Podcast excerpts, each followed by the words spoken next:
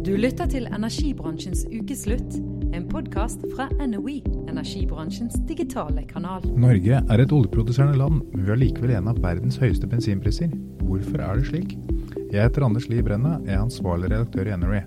Med meg i dag er generalsekretær Inger Lise Nøstvik i Drivkraft Norge, og vi skal snakke litt om bensin og diesel. Energibransjens ukeslutt presenteres av ledige stillinger på noe.no. Hvorfor er bensin og diesel så dyrt i Norge?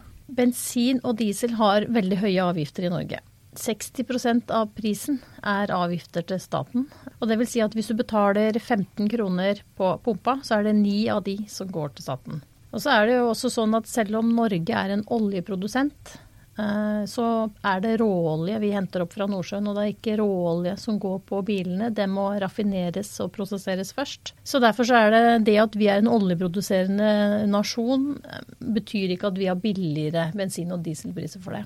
Du sier at eh, 60 av eh, prisen er avgifter, men bensinprisen svinger jo voldsomt fra dag til dag, og ofte fra time til time også når vi kjører forbi en bensinstasjon. Ja, De resterende 40% av de så er det 30 som, som går til å kjøpe produktet, bensin eller diesel, som prises på det internasjonale markedet. Så det er en innkjøpspris, du kjøper produktet. Og de siste 10% er det som er bruttoavanse til, eh, til eh, selskapene. Så er det jo selvfølgelig sånn at uh, dette er et Prisen på dette produktet her er lett for forbrukeren å se. Eh, Og folk er opptatt av å finne billigste pris, så lokalt så er det ganske sterk konkurranse. Men hvis det er 10% som er liksom avansen og sånn, betyr det da for bensinprisen svinger med langt mer enn 10% i løpet av en uke? Det kan sikkert være 20 og nesten 30 Betyr det at de selger med underskudd noen dager og med solid profit andre dager? da? Det betyr at de av og til eh, selger med underskudd, ja det gjør det. For de ønsker jo å kapre markedsandeler og ta kunder fra nabostasjonen. Åssen går det med bensin- og dieselsalget nå som det har blitt så mye elbiler og stadig vekk selges flere elbiler? Altså Bensin- og dieselsalget har eh, vært ganske stabilt på ca. 4,2 milliarder liter i ganske mange år nå. Eh, vi får stadig flere biler. Det selges cirka, eller kjøpes ca. 160 000 nye biler hvert år. Og eh, en andel av de er elbiler, men elbiler utgjør foreløpig bare 5% av personbilparken. Så vi har ikke sett eh, at elbilene har slått ut på redusert salg, men, men i fjor eh, gikk salget av bensin og diesel bitte litt ned. Fra 2016 til 2017. Det er første gangen vi har sett. Eh, henger ikke det sammen med elbilene, i og med at i fjor var et veldig godt år for elbilene? Nei, altså det her skal vi se litt nærmere på, men vi, det er mange faktorer. Det er mange faktorer som spiller inn. Det ene er at bilene bruker veldig mye mindre. De er mye mer effektive. For en del år siden så brukte jo bilen din én liter på mila. Nå er de fleste nede i 0,4-0,5. Som jo gjør at, vi, at hver bil bruker veldig mye mindre. Også kjørelengden noe å si. Det ser ut som om vi kanskje kjører litt kortere, i hvert fall ifølge statistikken til SSB. Er det noe dere vet noe om hvorfor, eller? Eh, Det kan jo være at vi rett og slett har flere biler, at hver familie har flere biler, og at hver bil da går litt kortere. Det kan kanskje være en forklaring. Men vi, vi tror ikke, eller sånn, etter hvert så vil selvfølgelig elbilandelen i personbilparken, hvis den øker voldsomt, så er det klart at det vil bety at vi selger mindre flytende produkter. Helt, helt åpenbart. Men vi tror ikke at overgangen fra 2016 til 2017 primært kan forklares av elbilandelen, da. Du nevnte altså at vi kjører kortere, at eh, bilene har blitt mer effektive og sånn. Er det elbil som er etter det argumentet, liksom? Uh, nei, det, eller, nei, egentlig ikke. Uh, det er at hver bil med forbrenningsmotor bruker mindre. Mm.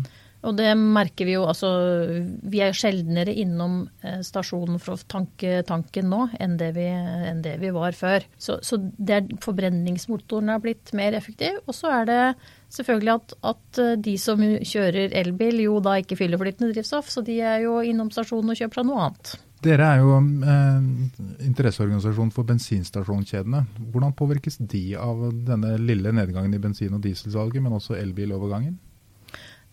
Vi sier jo at våre bensinstasjoner eh, kommer til å bli energistasjoner i framtida og tilby den energien som kundene våre vil ha. Eh, Sånn at eh, vi ser for oss at de stasjonene kommer til å få et utvida produktspekter i forhold til å gi kundene både strøm og, og hydrogen.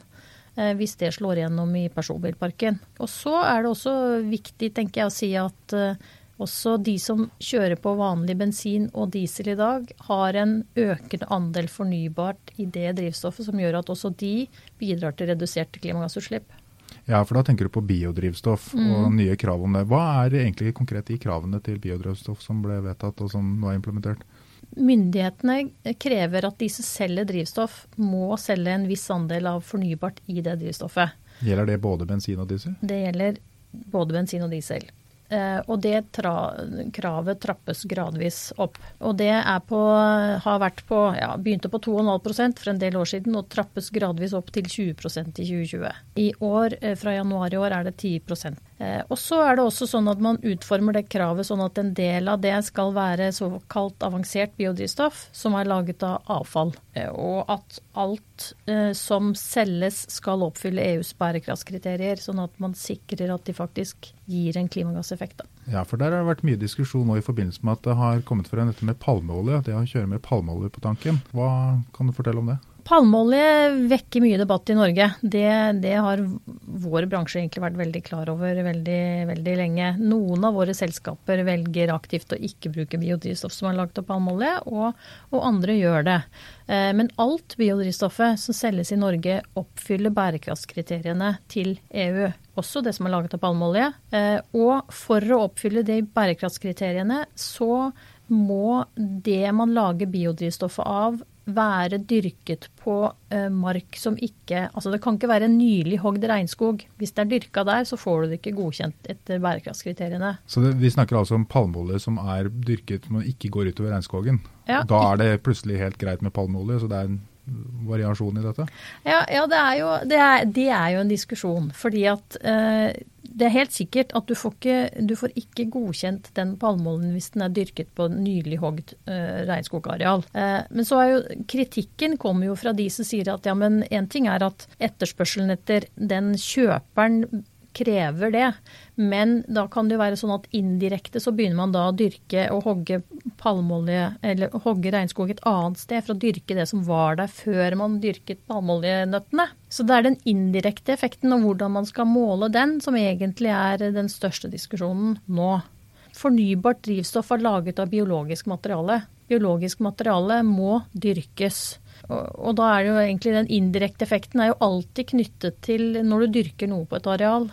Så den diskusjonen her er tydeligvis sånn at man, man har den hele tiden når man snakker om biologisk materiale. Da. Energibransjens ukeslutt presenteres av ledige stillinger på noi.no. Men nå har det jo vært en veldig sånn bevisstgjøring at liksom palmeolje er dårlig, og vi fått høre alt fra sjokoladen til pepperkakene mm. til alt det måtte være sånn. Hvorfor kan man ikke da bruke andre planter og bare si at nei, da, da dropper vi palmeolje, og så velger vi noen andre planter vi lager biodrivstoff? Palmeolje er faktisk, altså den, den øh, veksten er faktisk veldig effektiv effektiv. Eh, den, den, vokser raskt og den gir mye eh, utbytte. Eh, men det er først og fremst fordi at i Indonesia og Malaysia har de jo grunnlag for å dyrke denne veksten, da, og at de tilbyr det på det internasjonale markedet. Det er jo også sånn at 80% av det volumet av palmeolje brukes jo faktisk til mat. Så det er det egentlig det at palmer er så effektive å plante og får så effektivt ut, som gjør at den fortrenger andre ting. Det er derfor man hugger regnskog for å bruke palmer fordi den er effektiv? Er det, er det det du sier, at det er en mer effektiv plante for drivstoff og for oljeutvinning? Jeg tror at de Eh, dette er jo særlig i Østen, og da er det jo sikkert eh, for deres del en måte å drive en industriell utvikling på. Da. Og så de som da kjøper palmeolje som eh, råstoff for biodrivstoff, de etterspør jo de som kan dokumentere at dette er gjort på en bærekraftig måte. Mens de som kjøper det til mat, jo ikke etterspør det på samme måten. Den er ikke bærekraftsertifisert på samme måten. Så jeg tenker at det er bra at det er et kritisk lys på det.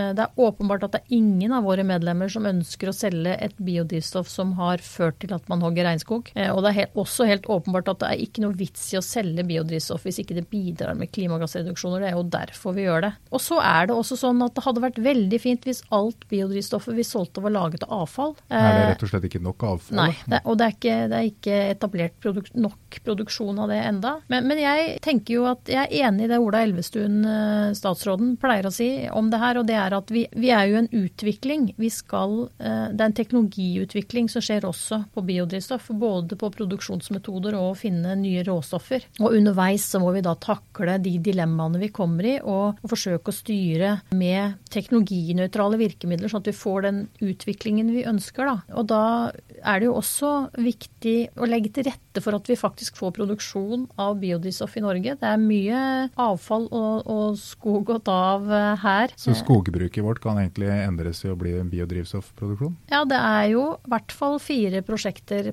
på gang i Norge. Og de pleier å presisere at de kommer ikke til å bruke hele trestammen, for det lønner seg jo overhodet ikke. Sånn at det er avskjæret fra den trestammen og, og, greiner og topper som kan brukes som råmateriale til å produsere biodrivstoff. Så produksjonen blir litt som olje som raffineres til forskjellige typer produkter. At noe går til bensin og diesel, noe går til plast, noe går til kosmetikk. Så blir det litt som at i skogindustrien så går noe til planker til å bygge huset ditt, og noe går til biodrivstoff. Mm. Hvis vi går tilbake til uh, oljen som egentlig de fleste forbinder med at eh, bensin og diesel kommer fra. Eh, kjører vi rundt på eh, bensin som er produsert fra norsk olje, eller kjøper vi bensin fra utlandet? Hva, hva har nordmenn på tanken? Mesteparten av det nordmenn har på tanken er laga av norsk råolje. Vi har, vi har to raffinerier i Norge, og de er jo Den gangen de ble bygd, så ble de bygd for å tilpasse seg norsk råolje. Så produserer de to raffineriene veldig mye produkter. Mesteparten av det de lager, eksporterer de jo. Men eh, mye av det de lager blir også solgt til de norske selskapene som omsetter drivstoff i Norge. I tillegg så blir det importert noe produkter også.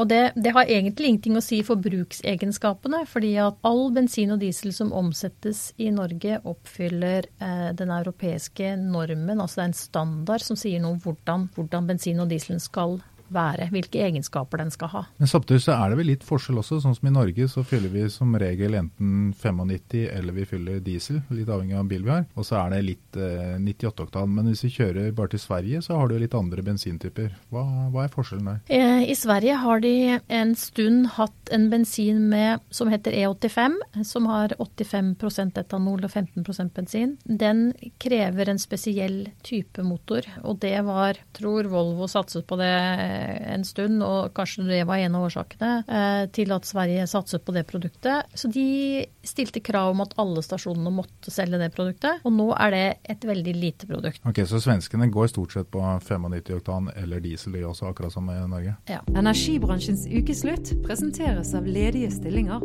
på noe.no. Samtidig så var jeg på besøk hos kollegaene mine og prata litt, og da fikk jeg høre noe som jeg syns var litt overraskende og litt interessant. At det var stor forskjell på spesielt dieselen, avhengig av enten hvor i landet man var, om man var nord i Finnmark eller i Syd-Norge. Men også at det var forskjell på årstidene. Kan du fortelle litt om hvorfor er ikke diesel diesel, liksom? Det er veldig stor forskjell på om det er 30 varmegrader, sånn som det har vært noen dager nå, eller om det er 30 minus disse produktene flyter. Så, de, så, når utetemperaturen blir veldig, veldig lav, så er det viktig at de flyter selv om det blir så kaldt. Så det er egentlig viktigste forskjellen på sommer- og, og vinterkvaliteten på diesel, er at, at, den holder seg flytende, tyntflytende når det er veldig kaldt. Og for bensin så er det litt motsatt. At de mest lettfordampelige komponentene i bensin Vi må ha litt færre av de når det er veldig varmt ute, enn når det er veldig kaldt ute. Men vi som forbrukere vi aner jo ikke noe om dette. Hvis vi kommer kjørende med en eh, dieselbil eh, opp til Finnmark og sånn, så aner jo ikke vi hva som fylles på tanken. Vi setter bare, hva Hvis vi har en campingbil f.eks., som stort sett kanskje brukes på sommeren, og så plutselig finner man ut at man skal kjøre den samme campingbilen opp til Finnmark på vinteren, er det da en risiko for at man får problemer med det? Er det noe man må ha i tankene liksom, når man kjører bil? På vinteren, hvis du er i områder hvor det er veldig kaldt, så er det et godt tips å fylle drivstoff der. Fordi at vi har sånne, bransjen vår har sånne kart som viser litt som hvor, hvor det sannsynligvis blir aller kaldest. Og der, der har man i hvert fall den kvaliteten som tåler det aller kaldeste vinteren. Så det er faktisk et godt tips. Ja. Særlig på diesel. Påvirker denne med forskjellen på diesel, påvirker det prisene på pumpene på noe vis? Nei, eller I og med at det er forskjellige kvaliteter? ja, forskjellige kvaliteter. Den vinterkvaliteten på diesel koster mer enn en sommerkvalitet på diesel. Eh, men det er igjen eh, Det går jo inn i innkjøpsprisen. Så hvordan de, hvordan de tar igjen den produktkostnaden i det veiledende prisen, det er det jo hvert enkelt selskap som sitter og regner på og avgjør, også i forhold til til lokal konkurranse. Da. I og med at det er litt forskjell, det sier at den samme bensin og diesel liksom følger oppskrifter som er godkjent i Europa og sånt. Men er det forskjeller i praksis, slik at når vi sammenligner prisene Norge er jo en av de dyreste landene i verden når det gjelder bensinpriser og sånn. Er det slik at det er forskjeller at noen land produserer en billigere form for bensin enn andre land, liksom? Eller kan vi sammenligne bensinprisen på tvers av landegrensene i, i Europa i hvert fall? Hmm. det er faktisk et, et godt spørsmål. Um, det, det, finnes klimaklasser i den, i den standarden som jeg snakka om i stad. Så finnes det klimaklasser. Sånn at man har eh, noen type krav som gjelder der hvor det er veldig varmt, og noen type krav som gjelder der hvor det er veldig kaldt. Eh, og så vil det, i eh, hvert fall hvis vi ser på diesel, så er det jo sånn at den vinterkvaliteten som vi, snak vi snakket om i stad, mm. at den er uh, litt dyrere å produsere enn sommerkvalitet.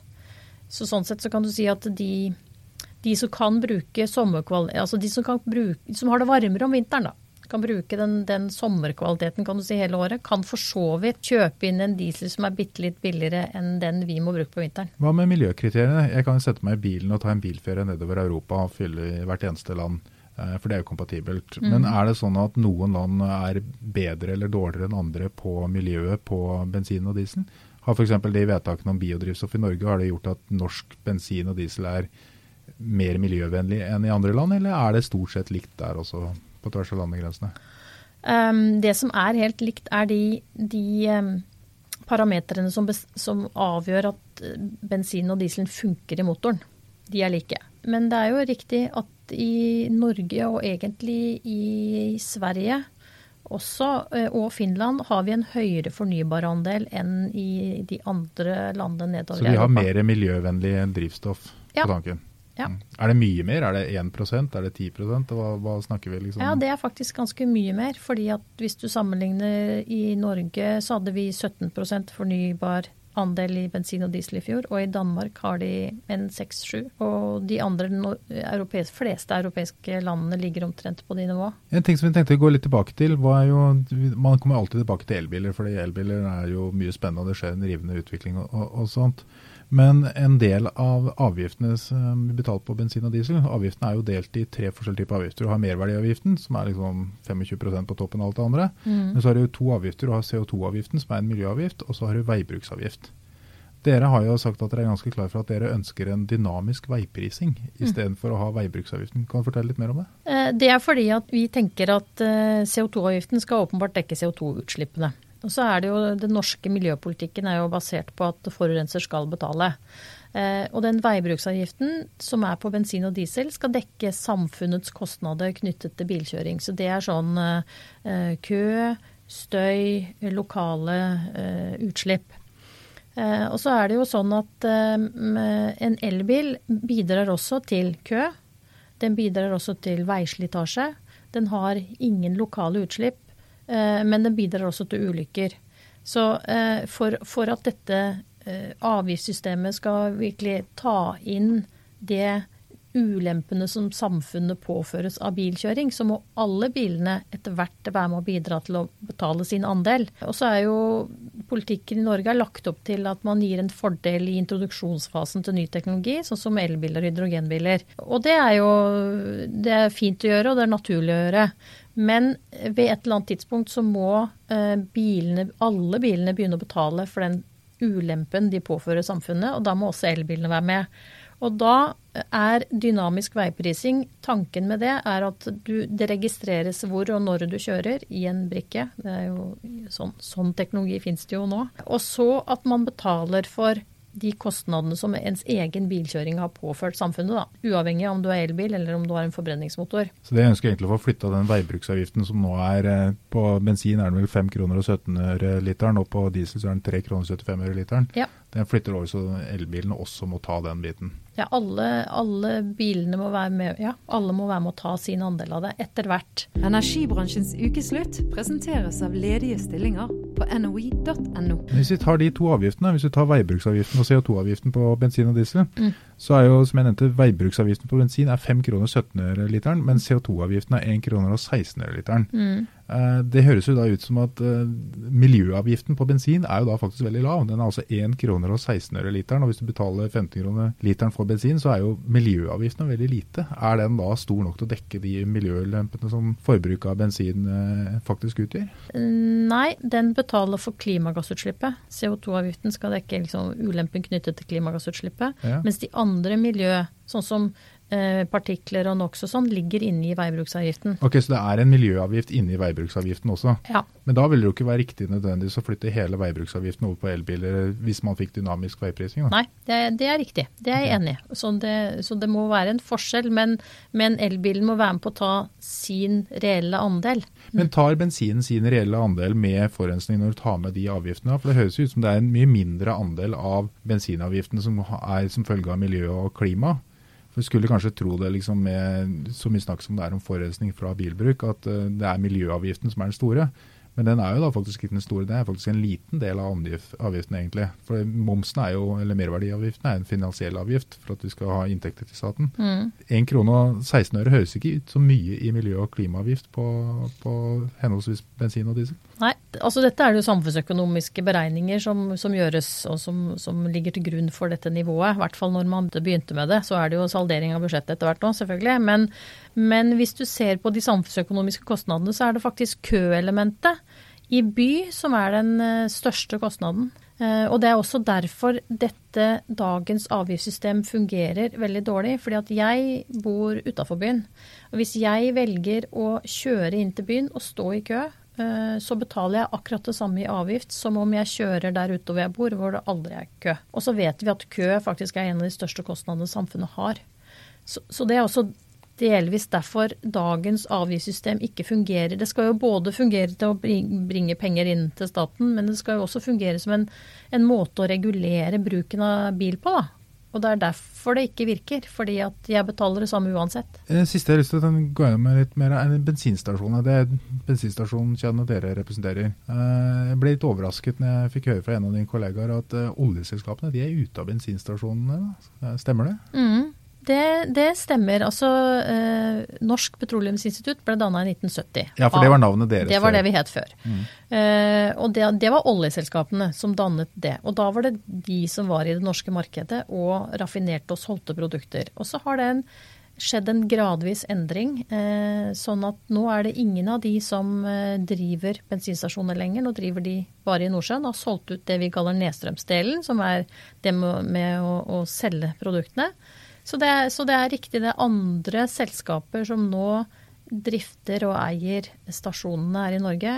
Og det er jo en av årsakene til at det har vært naturlig for oss å bytte navn til Drivkraft Norge også. Fordi at det er, det er ikke Petroleum gir veldig sånn hentydning til det som skjer i Nordsjøen, mens det vi faktisk driver med, er å selge energi til, til bilene og til kundene i de bilene. Og det blir mer og mer påtagelig etter hvert som bilparken endres. da. Ja, så Bensinstasjonskjedene har egentlig gått fra å være en del av oljebransjen til å bli en mer sånn standardisert kjøp- og salg- og logistikkorganisasjon. På samme måte som at strømselskapene lager ikke strøm, de kjøper strømmen på kraftbørsen og selger strømmen til kundene sine. Mm, det, det, er eh, egentlig det er riktig, det.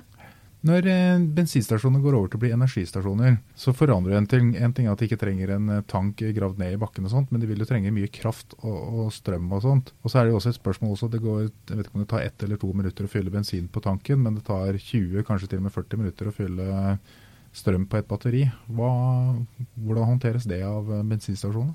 Ja, det er, jo, det er, jo, en av utfordringene, det. Og det, det, gjør jo at måten man tar betalt for å få stor effekt til stasjonen og til ladepunktet på stasjonen, har mye å si for hvor dyrt det blir. Fordi at hvis du skal, hvis du skal lade elbilen din like fort som det du har fylt eh, bensinbilen din, så må du ha veldig mye effekt. Og det koster selvfølgelig penger, da. Eh, for de som bygger ut nettet.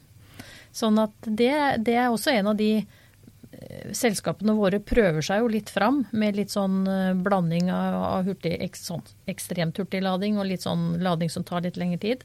Fordi det, det, som tar litt lengre tid, er jo billigere å tilby. Så det, det, er jo det her som er den spennende utviklingen som skjer. Da. Hvordan, hvordan skal man få det her til å funke med både fylletid og pris og tilgjengelighet? Hvor skal disse stasjonene være? Energibransjens ukeslutt presenteres av ledige stillinger på noi.no. Men eh, nå har jo også bensinstasjoner solgt ut ofte kioskbiten. At eh, salget av pølser og brusen og sånt, den tas av en ren kioskdrift. Men med 20 minutters lading istedenfor for ett minutts uh, fylling. Da er det kanskje mer lukrativt å selge pølsene og selge brusen ved siden av?